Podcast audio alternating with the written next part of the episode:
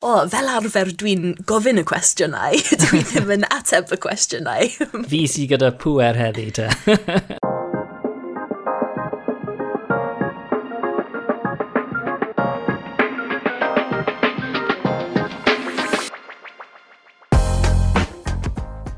Helo a chroeso i Hefyd, y podlediad am ddysgwyr Cymraeg gyda fi, Richard Nosworthy. Bob mis dwi'n siarad gyda dysgwr gwahanol – er mwyn ffeindio allan am ei bywydau a pham a sut maen nhw'n dysgu'r iaith. Ein gwestai ni y tro yma ydy Liz Day. Roedd Liz arfer gweithio fel newyddiadurwr ar Wales Online. Ond erbyn hyn, mae hi'n gwneud nifer o bethau diddorol, sy'n cynnwys sgiliau sarcas a gwneud podlediad i hun.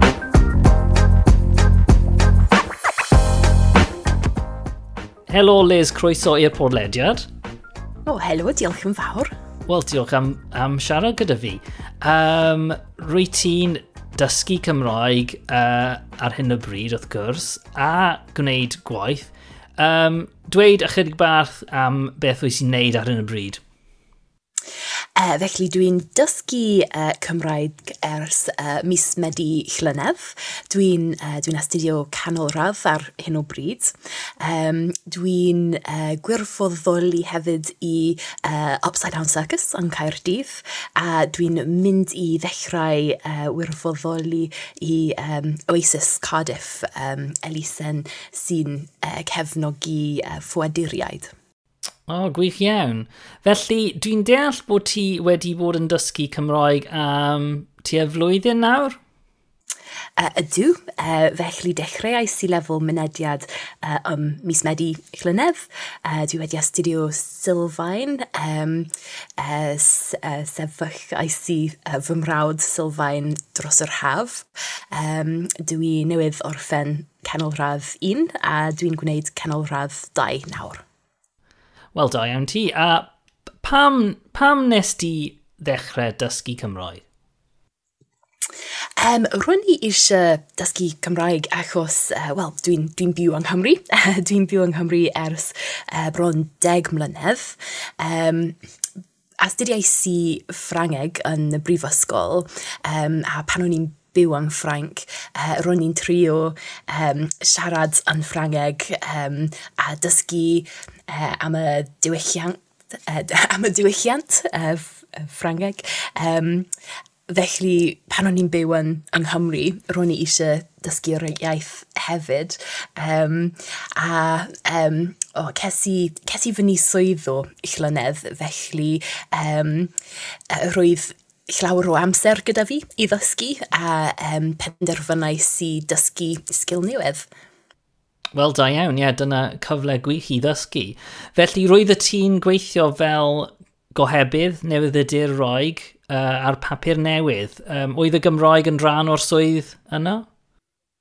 Um, nac oedd, um, dweud y gwir, ond um, weithiau um, o, um, un, unwaith um, ro'n ni'n uh, ysgrifennu am um, uh, tafwyl ac roed rhaid i fi um, ffonio uh, person oedd yn uh, trefnu'r gwyl a oh, ro'n i eisiau gallu siarad uh, yn, yn Gymraeg ond do'n i ddim yn gallu.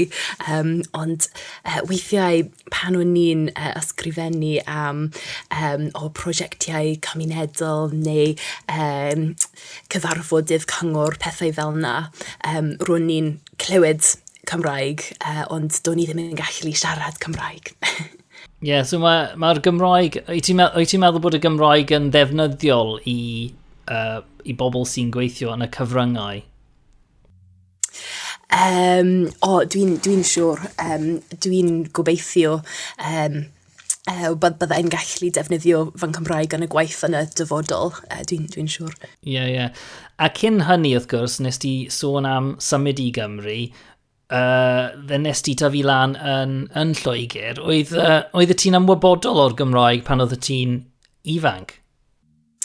Um, nac oedd, um, dwi'n dwi, dod o uh, amwythig yn rheiddiol, felly um, ar, y, ar y ffin, ond um, dwi'n i ddim yn uh, glywed uh, Cymraeg pan, pan o'n i'n byw uh, yn amwythig.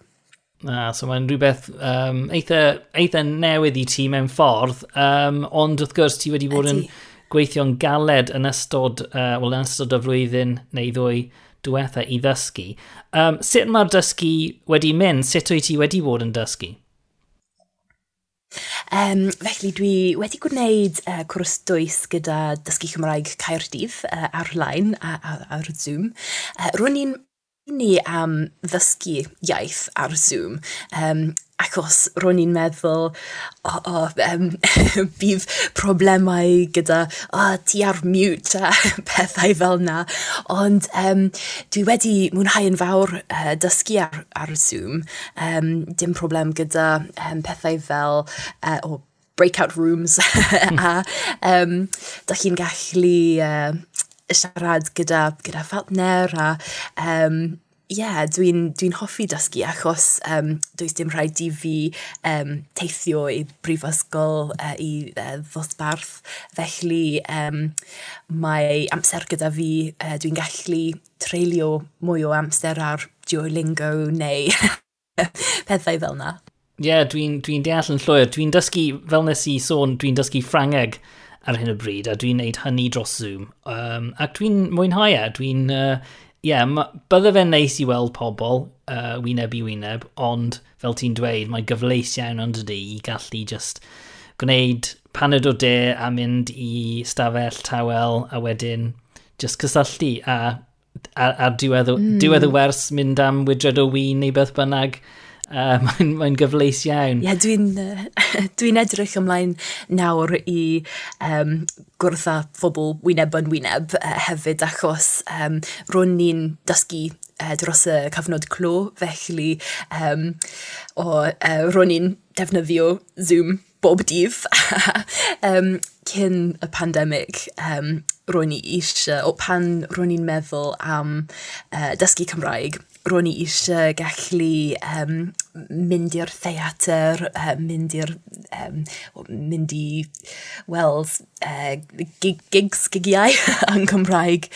Um, felly dwi'n gobeithio byddai'n gallu gwneud hynna nawr. Ie, yeah. wyt ti wedi cwrdd ag unrhyw ddysgwyr o'r cwrs uh, yn y byd go iawn?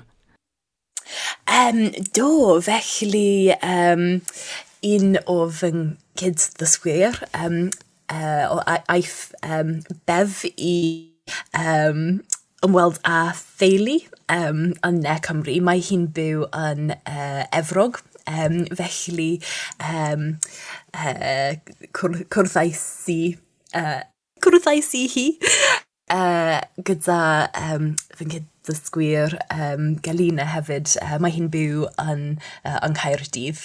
Um, felly, ro'n i'n hapus iawn i, i uh, gwrdd wyneb yn wyneb. Sut oedd hi'n teimlo i gwrdd â rhywun ti wedi gweld dros Zoom nifer o weithio, oh, ond heb gwrdd roedd hi'n Roedd hi'n wych. Uh, ro'n i'n poeni am um, uh, oh, um, recognise y bobl achos mae, mae pobl yn uh, edrych yn tipyn bach wahanol uh, yn, y, yn y bywyd go iawn weithiau, ond uh, dim, dim problem. O, da iawn. Wel, un peth arall ti wedi bod, i, uh, wedi bod yn neud uh, yw um, cymryd rhan yn y cynllun siarad uh, fel, fel fi a, a fy mhardner um, Rhiannon uh, sydd wedi bod ar y podlediad hefyd. Um, sut mae hynny wedi bod yn, yn mynd? O, mae'n um, mae wych. Um, felly, um, mae fy mhartner i yw um, Efon, sy'n gweithio ar uh, Prynhawda a Henno, um, cyf cyflwyn rhaid tawydd. a mae hi'n um, gyfeillgar iawn. Um, Cwrthon ni uh, mewn caffi um, am hynarth a um, ro'n i'n siarad dros um, dwy awr, felly uh, ro'n i'n hapus iawn, ro'n i'n gallu siarad dro dros dwy awr. um, a um, ie, yeah, um, dwi'n dwi hoffi yn fawr gallu defnyddio'r Gymraeg uh, yn, yn y bywyd go iawn. Um, uh, mae'n, yeah, mae'n wych. A beth yw'r peth gorau am ddysgu Cymraeg, wyt ti'n meddwl? O, fy hoff beth am uh, ddysgu Cymraeg yw cwrdd â phobl newydd, dwi'n meddwl. Um, Dyn ni'n fel teulu yn fy nosbarthu nawr uh, ar ôl dysgu gyda'n gilydd dros um, o, mwy, mwy na blwyddyn. Um, Dyn ni'n defnyddio uh, WhatsApp fi i sygwrsio uh, am y uh, dosbarth a um, o cwyno am y waith catra. Ydy'r tutor yn rhan o'r, or grŵp yma? uh, na, na gyda. o, da iawn. A, um, uh, ti wedi bod yn dysgu ers, ers uh, peth amser nawr, um, oes unrhyw cyngor uh, i ddysgwyr eraill, unrhyw tips am ddysgu Cymroeg gyda ti? O, um, dwi'n meddwl, um, oh, dwi'n dwi, trio gwneud tipyn bach bob dydd, um, felly uh, efallai um, defnyddio Duolingo neu gwrando ar Radio Cymru, um, o dwi'n dwi hoffi gwneud hynny pan dwi'n coginio nawr, um, neu um, yeah, um, siarad gyda, gyda ffrind, um, felly yeah, tri, triwch uh, defnyddio Cymraeg bob dydd dwi'n meddwl. Ie, yeah, cyngor da, dwi'n meddwl. Um, a hefyd, um, un cwestiwn dwi'n gofyn i llawer o bobl uh, sy'n cymryd rhan yn y podlediad yw um, beth yw'r peth uh, anodda am dysgu Gymraeg oes sy'n rhywbeth uh, rwy ti'n ffeindio'n anodd. Yn enwedig, uh, wel, rwy ti wedi dysgu uh, Ffrangeg wrth gwrs, um, oes unrhyw rhywbeth arbennig uh, yn y Gymraeg sy'n anodd iawn? O, oh, um, dwi'n dwi gwneud cwrs dwys a um, mae cwrs yn mynd yn gyflym iawn.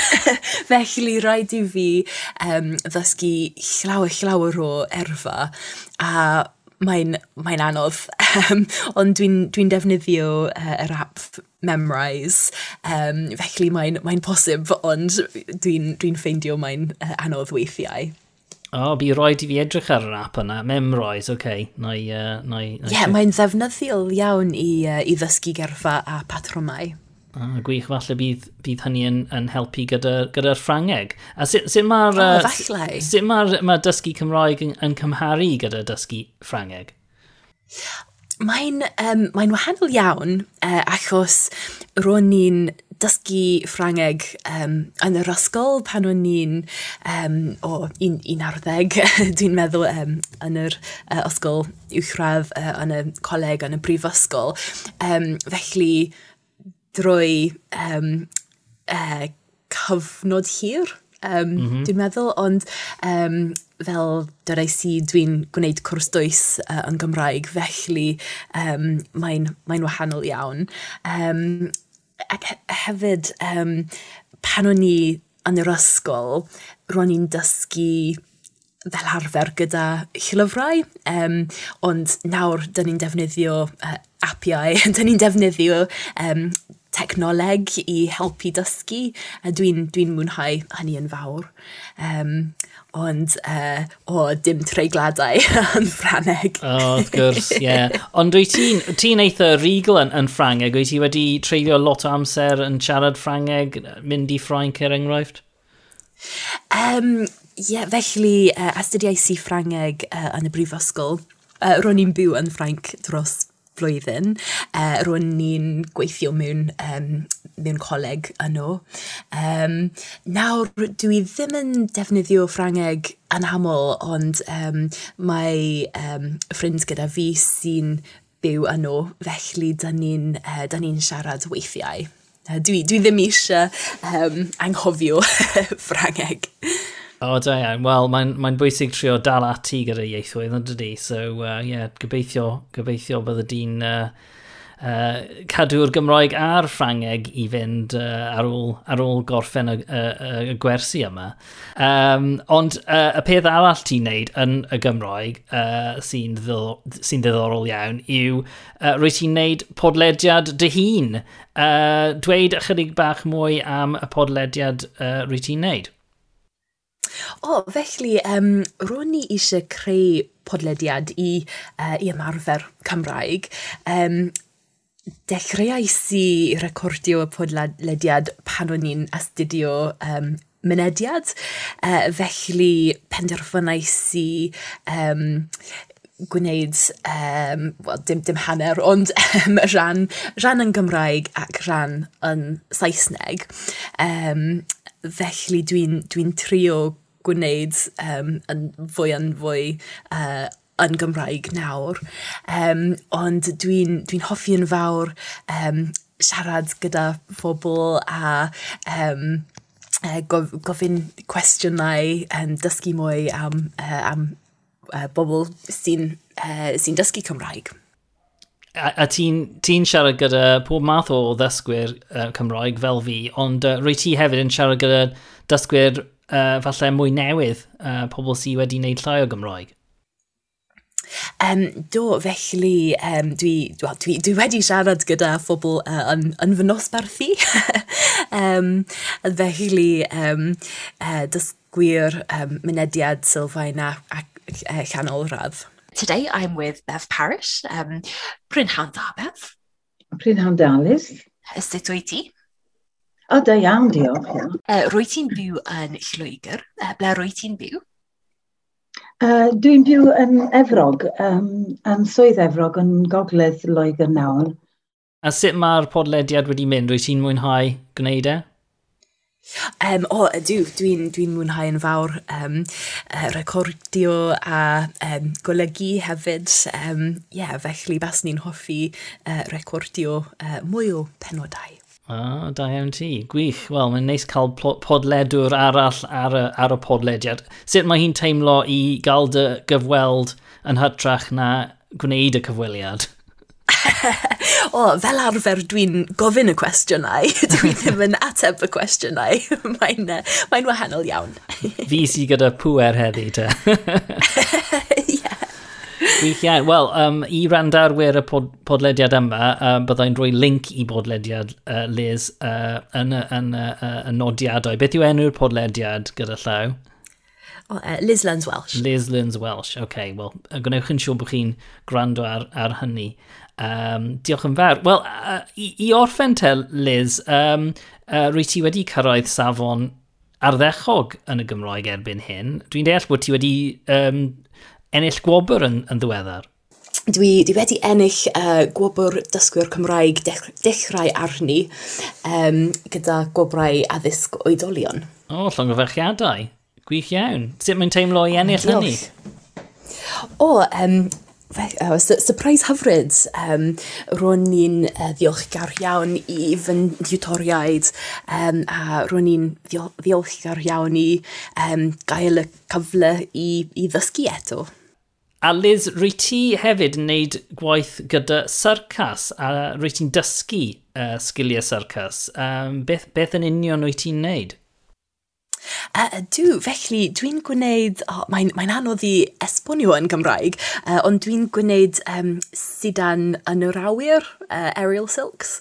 Um, felly uh, dwi'n dwi gwneud uh, dosbarth nos a um, dwi'n dwi gallu uh, ymarfer Cymraeg gyda ffrindiau yno hefyd, felly dwi'n dwi mwynhau yn fawr um, gwneud hynny. Waw, mae hynny yn ffordd wahanol i, i ddysgu Cymraeg. Wyt ti'n dysgu Cymraeg yn, yn uchel yn yr awyr felly? Um, o, dim fel arfer.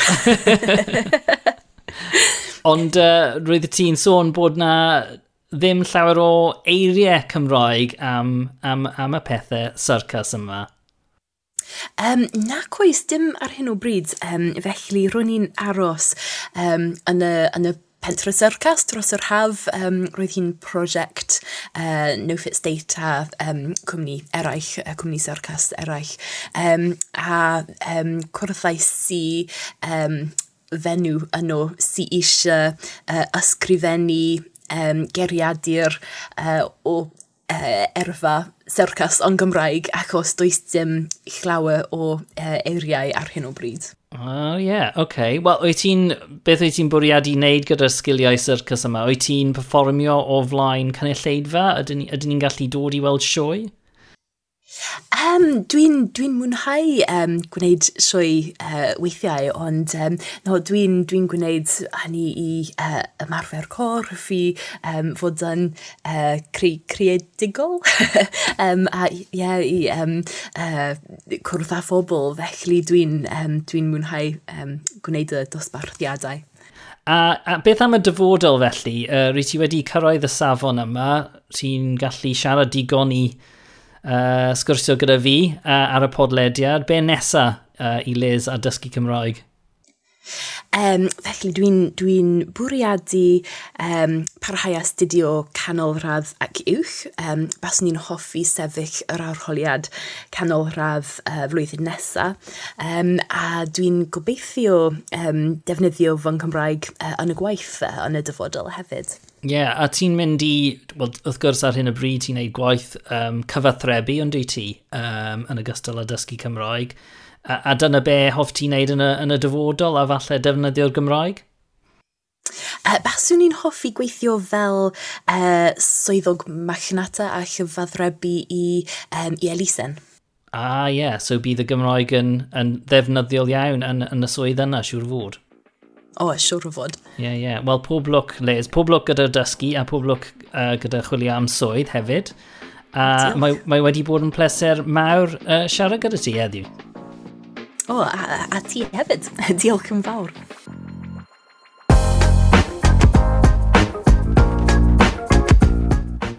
Wel, diolch yn fawr i Liz am siarad gyda fi. Byddai'n rhoi link i'w blog a'i ffodlediad hi, Liz Learns Welsh, yn nodiad ar penod yma. Os ydych chi wedi mwynhau gwrando, please tan ysgrifiwch i hefyd trwy Spotify, Apple Podcasts neu eich hoff app a gadael adolygiad hefyd.